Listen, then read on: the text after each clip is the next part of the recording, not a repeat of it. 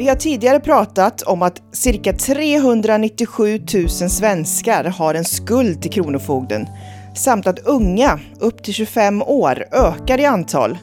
Och många människor idag vet inte riktigt vad som händer om man hamnar hos Kronofogden. Dessutom, under första halvåret 2020 var det rekordmånga som ansökte om skuldsanering. Varför är det så här och hur går det till? För att kunna ge en mer exakt bild av händelseförloppet kommer här direkt info från huvudkällan.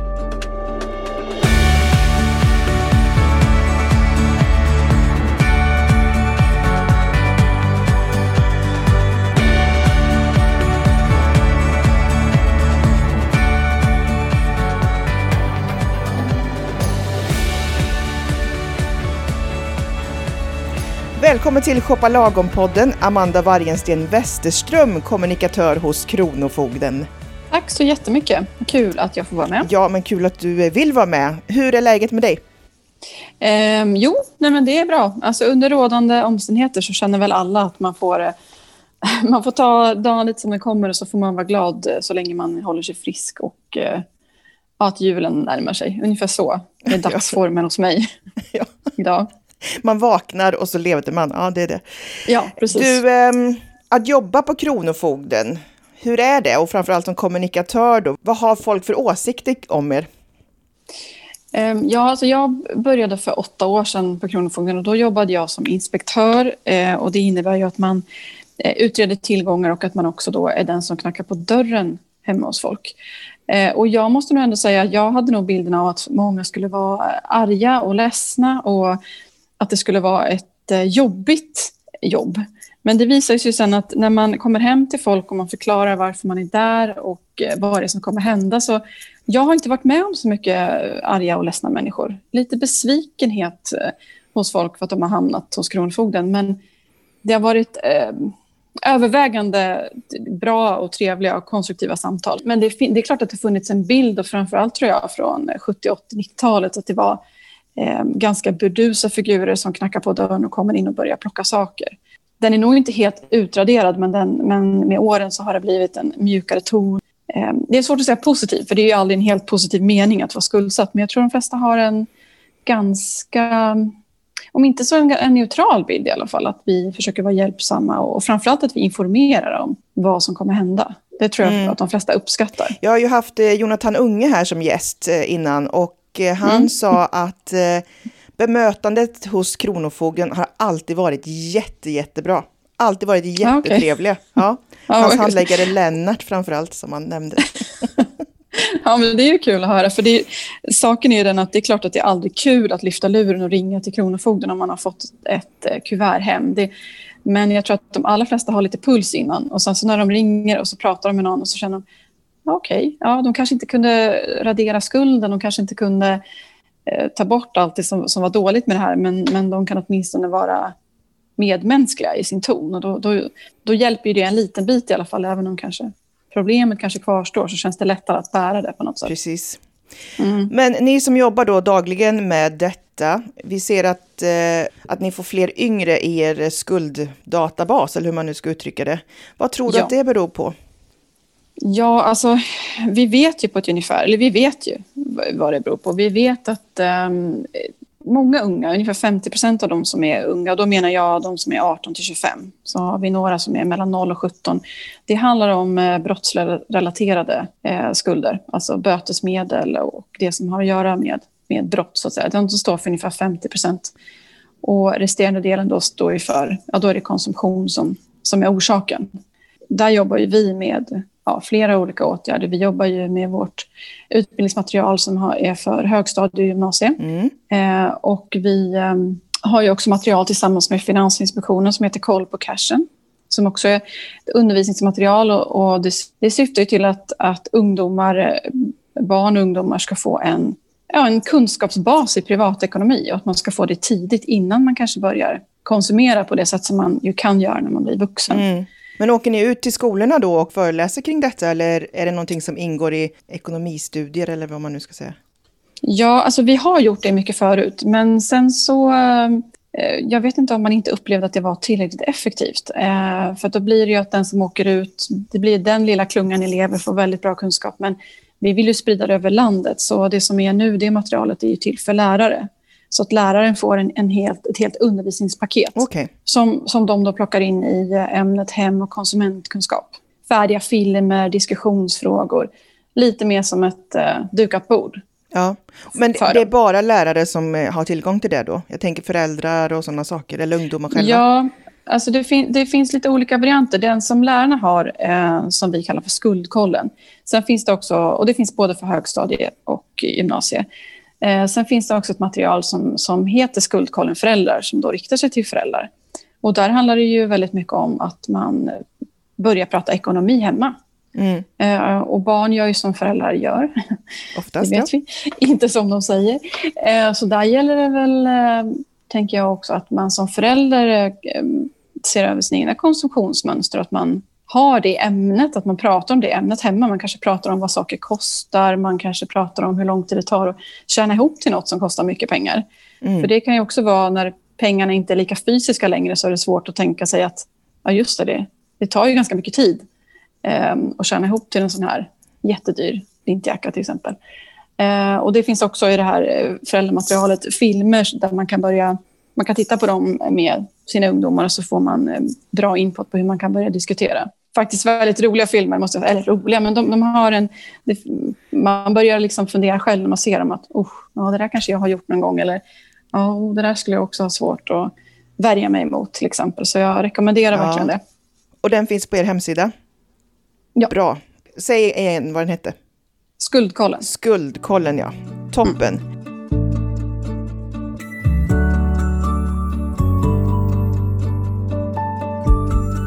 Men konsumtionslån, det är väl det vi kan fokusera på idag här i den här podden. Vad är det som innefattas av konsumtionslån? Egentligen så handlar det om att eh, personen i fråga har köpt för pengar som de inte har. Eh, det handlar ju om eh, konsumtion på e-handel till exempel, är väl den allra stora, stora posten. Att man helt enkelt köper saker via nätet och sen kanske man antingen betalar mot faktura och ska, ja, ska betala sen eller att man man har olika, det finns olika former av betalningslösningar nu där man får hem varan först och sen så betalar man antingen efter 14 dagar eller man, mm. man delbetalar. Eh, man kan dela upp det ganska mycket, eh, som vi vet nu för tiden. Eh, och det kan ju göra att, att i stunden när man köper någonting så kanske ekonomin är under kontroll, men är man ung så är det ju det är inte säkert att man har de pengarna sen när man ska betala. Nej. kan det hamna hos ett inkassoföretag eh, som vill driva in den här skulden från ursprungs borgenären som vi säger. Alltså till exempel Elgiganten så är det ju ursprungsborgenären men sen har det gått via ett inkassoföretag då till exempel som hjälper till att driva in skulden. Just det. Mm. Men ponera nu då att man har fått den här påminnelsen från inkassobolaget mm. för den här iPaden man köpte. Låt ja. säga det. Mm. Vad händer om jag inte betalar den här inkassoräkningen? Ja, eh, du får ju först en påminnelse eh, och där så står det om inte du betalar den här summan då till oss inom det här, det här datumet så kommer den här att skickas över till Kronofogden. Så det, det, har man ju i alla fall som konsument eller som kund har man ju den sista möjligheten då att ringa till inkassoföretaget och förklara sin situation och kanske då säga att jag har inte de här pengarna nu, kan jag, jag ska säga, laborera med det tillsammans med er med betalningen och det är inte så att de alltid godkänner det heller utan de säger men du kanske har fått den här tiden på dig, vi kommer att skicka det här vidare. Eller så kanske man kan eh, diskutera med dem att jag delar upp det på två. till exempel. Det är ju upp till varje mm. enskilt inkassoföretag. Men skickas det då vidare till oss på Kronofogden så kommer du få en påminnelse från oss också. Där det står att den här skulden till, ja då blir det inte skulden till Elgiganten för det vet inte vi då, men det blir skulden till XXX inkassoföretag. Ehm, mm. Um, och så kommer det stå att annars så kommer vi påbörja en utredning. Så då har man ju en liten, liten tidsfrist där också då att, att reglera det om man, eh, om man kan. Mm. Har man då vid detta laget, när man får ett eh, kravbrev från er, har man då fått den så kallade pricken? Eh, nej, alltså den uppstår ju när, säg så här, när, när ärendet har kommit till oss och det är fastställt hos oss i, i en process som, som vi har innan det går till eh, att man gör själva tillgångsutredningen. Är det fastställt där så har man ju fått en betalningsanmärkning. Så är det. Ja. ja. Mm. Mm. Och betalningsanmärkning är lika med prick Ja, precis. Och det är ju inte Kronofogden som utfärdar några betalningsanmärkningar utan det är ju eh, olika kreditupplysningsföretag som hämtar uppgifter från vår databas.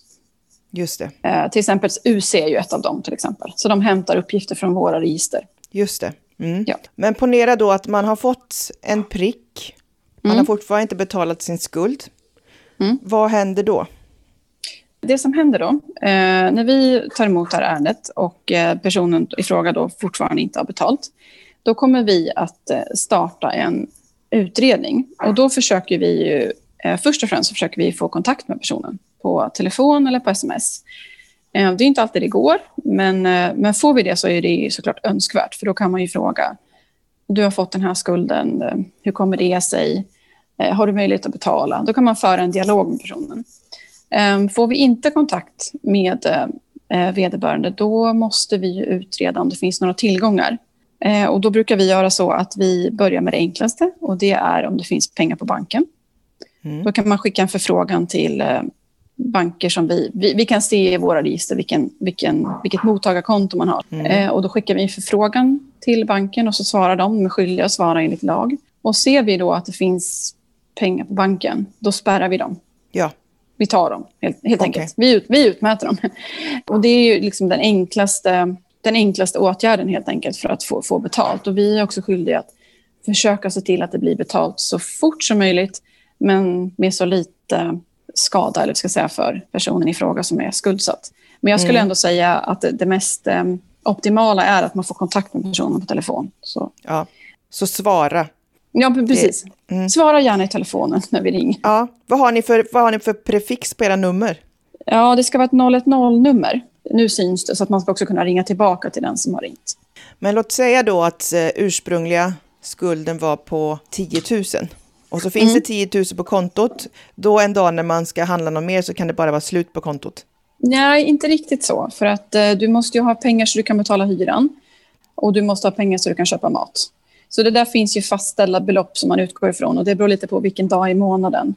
Eh, och nu eh, är jag inte längre hundra för att nu har inte jag jobbat med indrivning på två och ett halvt år.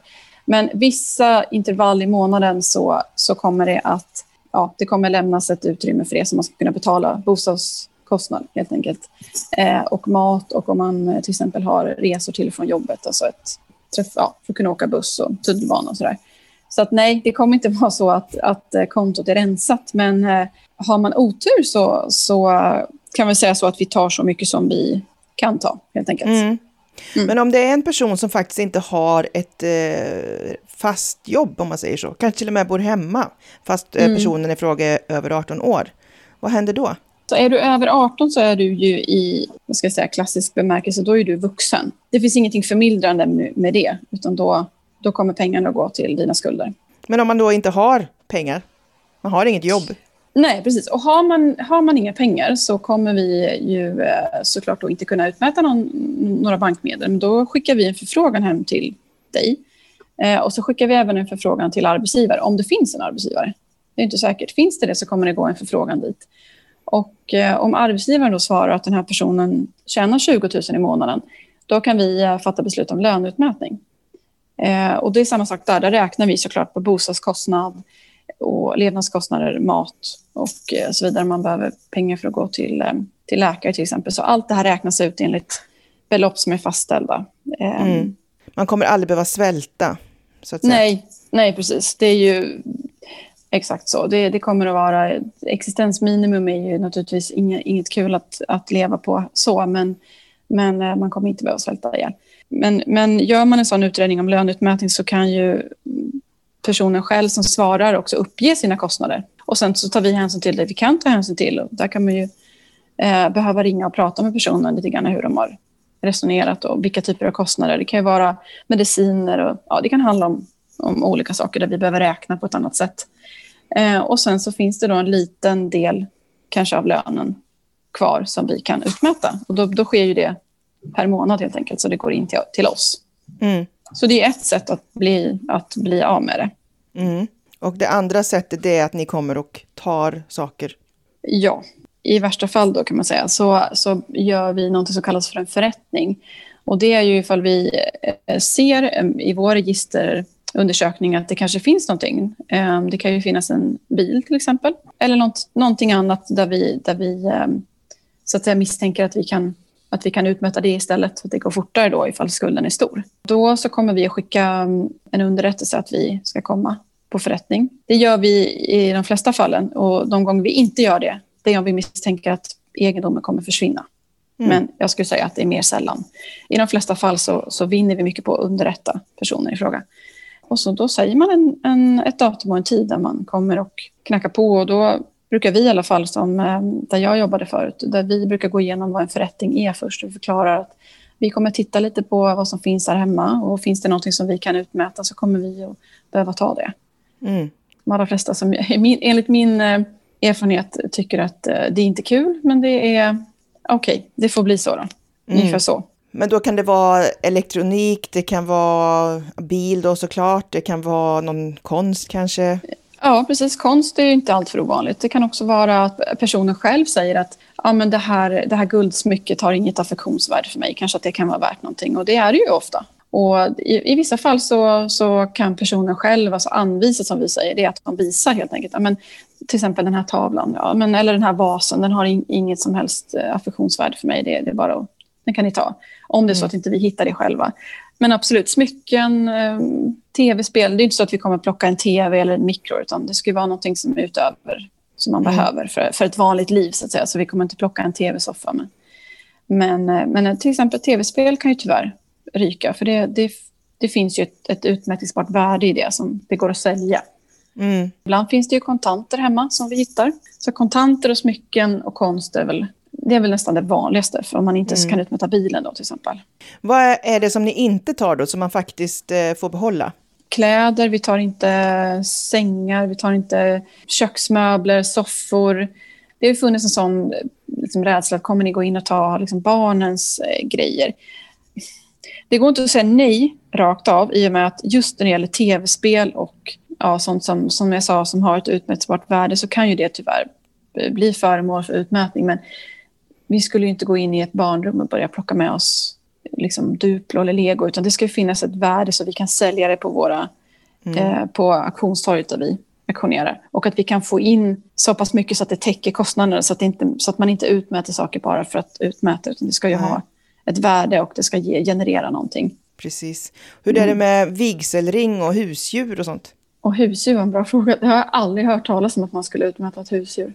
Jag, jag skulle säga nej direkt ja. på det. Däremot så vet jag att uh, i sällsynta fall så vet jag att uh, hästar har utmätts.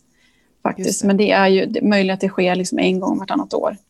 I och med att vi ska kunna förvara dem någonstans också. Ja. Så um, vigselring, ja, det har väl också hänt någon gång. Vi försöker ju inte, inte göra så just i och med att det har stort affektionsvärde och så. Så kan man ta någonting annat så gör man ju det. Mm. För det gör ju ganska stor skada för personen. Mm. Mm. Eh, låt säga nu då att eh, skulden är betald. Hur länge håller den här betalningsanmärkningen i sig då? Ja, den här betalningsanmärkningen sitter kvar i tre år. Tre år? Efter, ja, så det, det får man nog tyvärr. Och det är klart att det är därför man också i liksom största möjligaste mån ska försöka undvika det. Och särskilt om man är, ja, jag säger särskilt om man är ung, för, för att um, man, ska då liksom, man är på väg ut i vuxenlivet, man kanske vill hyra en bostad, man vill... Det går ju att ringa in och kolla om någon har en betalningsanmärkning. Så en, till exempel en hyresvärd kan ju göra det om de ska hyra ut en bostad. Så, och, och står det då mellan, låt oss säga att det står mellan dig och någon som inte har en betalningsanmärkning så finns väl risken att man tar den andra personen. Mm. Jag kan säga så här, det behöver absolut inte skapa någon större skada, men det kan ju göra det. Mm. Så det är nog bra att vara medveten om att det här är uppgifter som syns och det är uppgifter som som då så att säga eh, fastnar med dig i de här tre åren så att man, så att man i alla fall är medveten om det. Mm. Jag kan återigen bara nämna Jonathan Unge då. Han kan ju inte skaffa sig ett mobilabonnemang. Nej. Han kan inte skaffa sig bredbandsabonnemang. Han skaffar det genom att han betalar hela årsavgiften med en gång.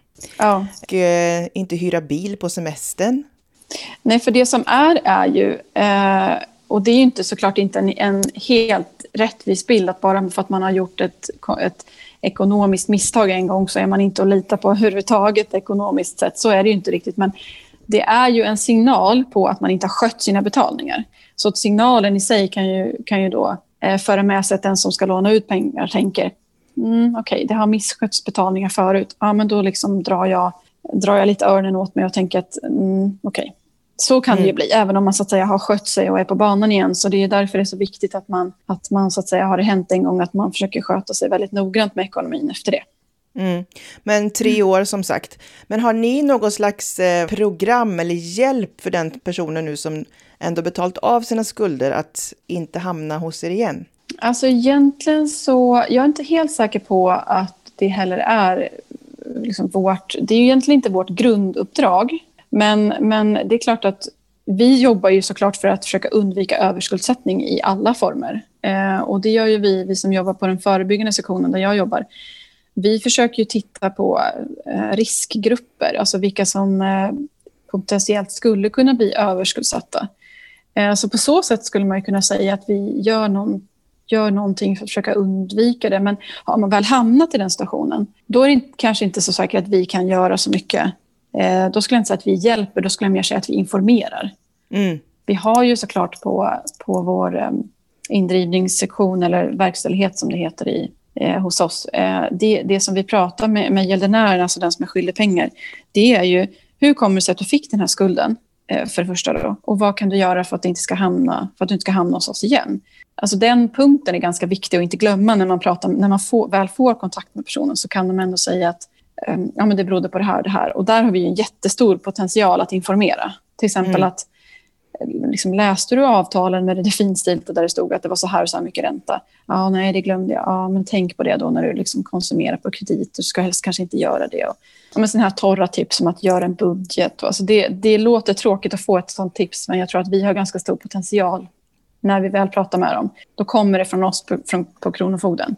Ja. Eh, och det kanske är lättare att, att stöta ifrån sig informationen om det kommer från någon där det inte ens har hänt. Utan när det kommer från oss, då vet man att ja, men den som säger det här vet ju verkligen att de här, de här konsekvenserna blir om jag hamnar i den här stationen igen. Mm. Så där skulle jag vilja säga att vi har, stor, vi har stor potential att kunna påverka i de samtalen. Mm. Du nämnde riskgrupper. Vilka anser ni vara riskgrupper och hur förebygger ni att de inte ska hamna hos er? Ja, alltså till exempel så är ju unga skulle kunna vara en riskgrupp. För att eh, det finns också forskning som visar på att, eh, att unga har inte jättebra koll på privatekonomin. Har inte, framförallt inte så jättebra koll på vad som händer om man får problem med sin privatekonomi. Eh, och det, det, är klart, det kan man stävja lite genom eh, den här, det här undervisningsmaterialet, att man pratar om det i skolan. Vi tror att man behöver prata om det mycket mer. Eh, mm. Och eh, vad, jag, vad jag tänker så, så undrar jag om inte man ska börja prata med dem redan på lågstadiet. Eh, ja. prata, prata om pengar. Man måste kunna nu är inte jag någon pedagog, men man måste kunna prata med dem på den nivån man befinner sig, tänker jag, på lågstadiet. Man kanske man kanske kan separera och ta, liksom, göra upp en budget till senare år och sen så prata om pengar. Vad är pengar för någonting? Mm. Och framförallt nu när de, när de är så digitala på något sätt, man ska säga, och inte så, det är inte så fysiskt längre hur mycket pengar man har i plånboken, så känns det som att det är ännu viktigare. Men vi tittar också på ehm, till exempel människor som ehm, har ett spelmissbruk. Att det är en riskgrupp, att man kan, man kan få väldigt stora skulder på väldigt kort tid. Mm. Eh, vi ska börja titta under nästkommande år nu lite grann på psykisk ohälsa. Hur hänger det ihop med skuldsättning? Vi tror oss kunna se att det nog finns ett samband. Så får vi återkomma med exakt hur. Ja, det är väl, det är väl några. Ni kommer alltid ha ett arbete känns det som. Ja, det känns ganska tryggt ur den aspekten faktiskt. ja, fast, på ett, fast på ett tråkigt sätt. Alltså, man vill ju såklart inte att folk ska bli skuldsatta. Det, det är ju verkligen eh, hemskt att det måste gå så himla långt. Men, mm. men eh, det, det, är nog i alla fall, eh, det är nog i alla fall inte så att man blir utan jobb de närmsta Nej. åren tyvärr. Det för oss in lite på antalet skuldsaneringsansökningar som har skjutit i höjden hos er. För det första, skuldsanering, vad är det för någonting? För att det verkar som att vissa har, tror att det är en e-tjänst man kan klicka på så försvinner alla skulder. Eh, nej, alltså det som, är, det som är en e-tjänst är ju att man numera kan ansöka om skuldsanering på e-vis, så att säga. Eh, men det som är med skuldsanering är ju att hela den ska säga, lösningen kommer till för att hjälpa de allra mest skuldsatta, de, alltså de som är värst skuldsatta och de som inte klarar av att komma ur den situationen på egen hand. Alltså man ska ha mycket pengar i skuld? Eh, ja, eller egentligen så är det inte skuldsumman som, som alltid avgör, men det är att du ska ha en oförmåga att kunna betala tillbaka den eh, under överskådlig framtid. Och det som är med, med unga då, det är ju att eh, det har gjorts, en, det har gjorts informationsinsatser om skuldsanering. Eh, så att det, det, har gjorts lättare att ansöka. Det, det har alltså gjorts lättnader i lagen för att kunna ansöka om det. Men det gör ju också att man kanske ansöker för lite mindre skulder och man kanske ansöker när man är 18 till 20 år där man då kanske enligt oss då förväntas ha ett långt arbetsliv framför sig där man kommer mm. kunna betala tillbaka. Eh, däremot så är det ju värre om man är kanske 55-60 och man är sjukpensionär eh, utan andra realiserbara tillgångar. Då ser vi att den här personen kommer inte kunna betala tillbaka. Beviljar vi en skuldsanering så kan den här personen kanske komma på fötter igen. Lite så var tanken från början. Eh, så därför är det många unga som får avslag. För att man tänker sig att den här personen kommer ju kunna betala tillbaka. Om skulden är på 10 000 och personen är 19 år så kommer man kunna betala tillbaka.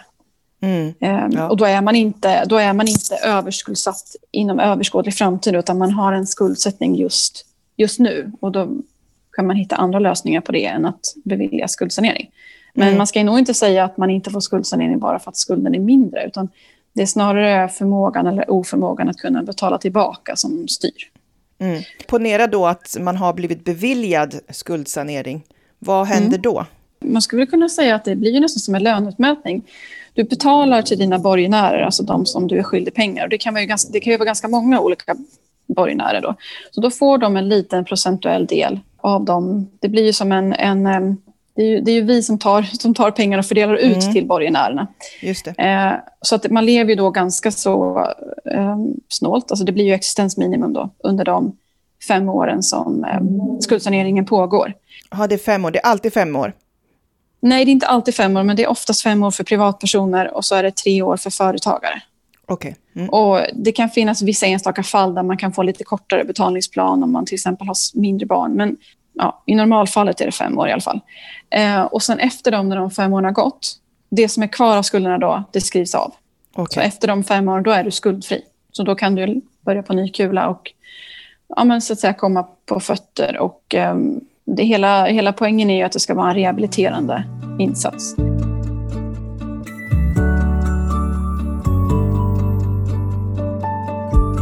Hur tror du att covid kommer att påverka era ärenden? Jag har förstått det som att man ser inte några effekter av eh, covid-pandemin än så länge hos oss.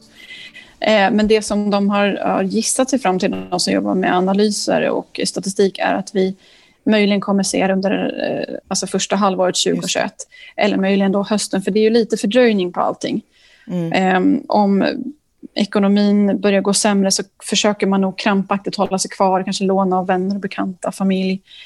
Ehm, I värsta fall då tar, eh, tar lån för att kunna betala lån i värsta fall. Så då, då, kan, då ser vi inte det i våra register ännu. Det. Så det, det kommer nog bli en diskussion hos oss och en, en eh, alltså föremål för analys under, under 2021. Men ingenting än så länge. Nej. Okej, okay. ser ni några skillnader i när det har varit en stor köpfest till exempel? Det var inte så länge sedan det var Black Friday. Uh, ja, jag har förstått det som att det, att det kan synas. Uh, och det som, som vi gjorde förra året faktiskt, det var att vi satt och klurade på hur vi skulle kunna komma med något, någon mot... Uh, alltså någon annan paroll, att ungefär konsumera inte för pengar du inte har. Alltså någon form av ett, något form av motargument. För det är klart att, vi, att det syns eh, hos oss. Sen har det nog inte synts riktigt på det sättet som man skulle kunna tänka sig i och med den här totala aggressiva marknadsföringen som mm. är för Black Friday. Eh, men jag tror att det är samma där, det syns i sådana fall en bra stund efteråt. Nej. Du, dina tre bästa tips då för att man inte ska hamna hos er? Eh, mina tre bästa tips de är ju eh, ganska torra. Men jag skulle säga att man ska göra upp en hushållsbudget. Eh, att man helt enkelt lägger upp eh, inkomster och utgifter och försöker hålla sig till det. Vad man, det utrymme man har för konsumtion och försöka hålla sig till det. Eh, och sen skulle jag säga som ett, eh, ett pressmeddelande som gick ut från oss förra veckan, eh, att man ska försöka konsumera med hjärnan och inte med hjärtat.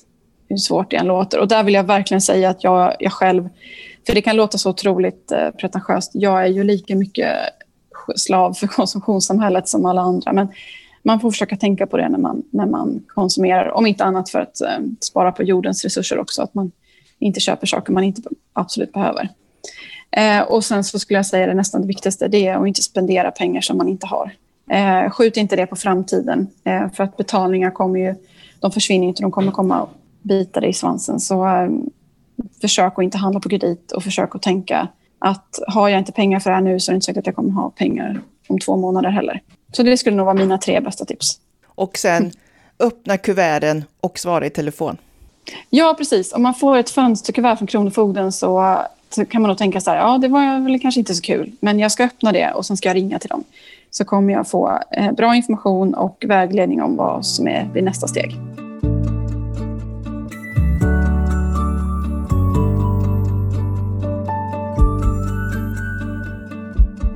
Sista frågan, Amanda. Ditt bästa respektive sämsta köp?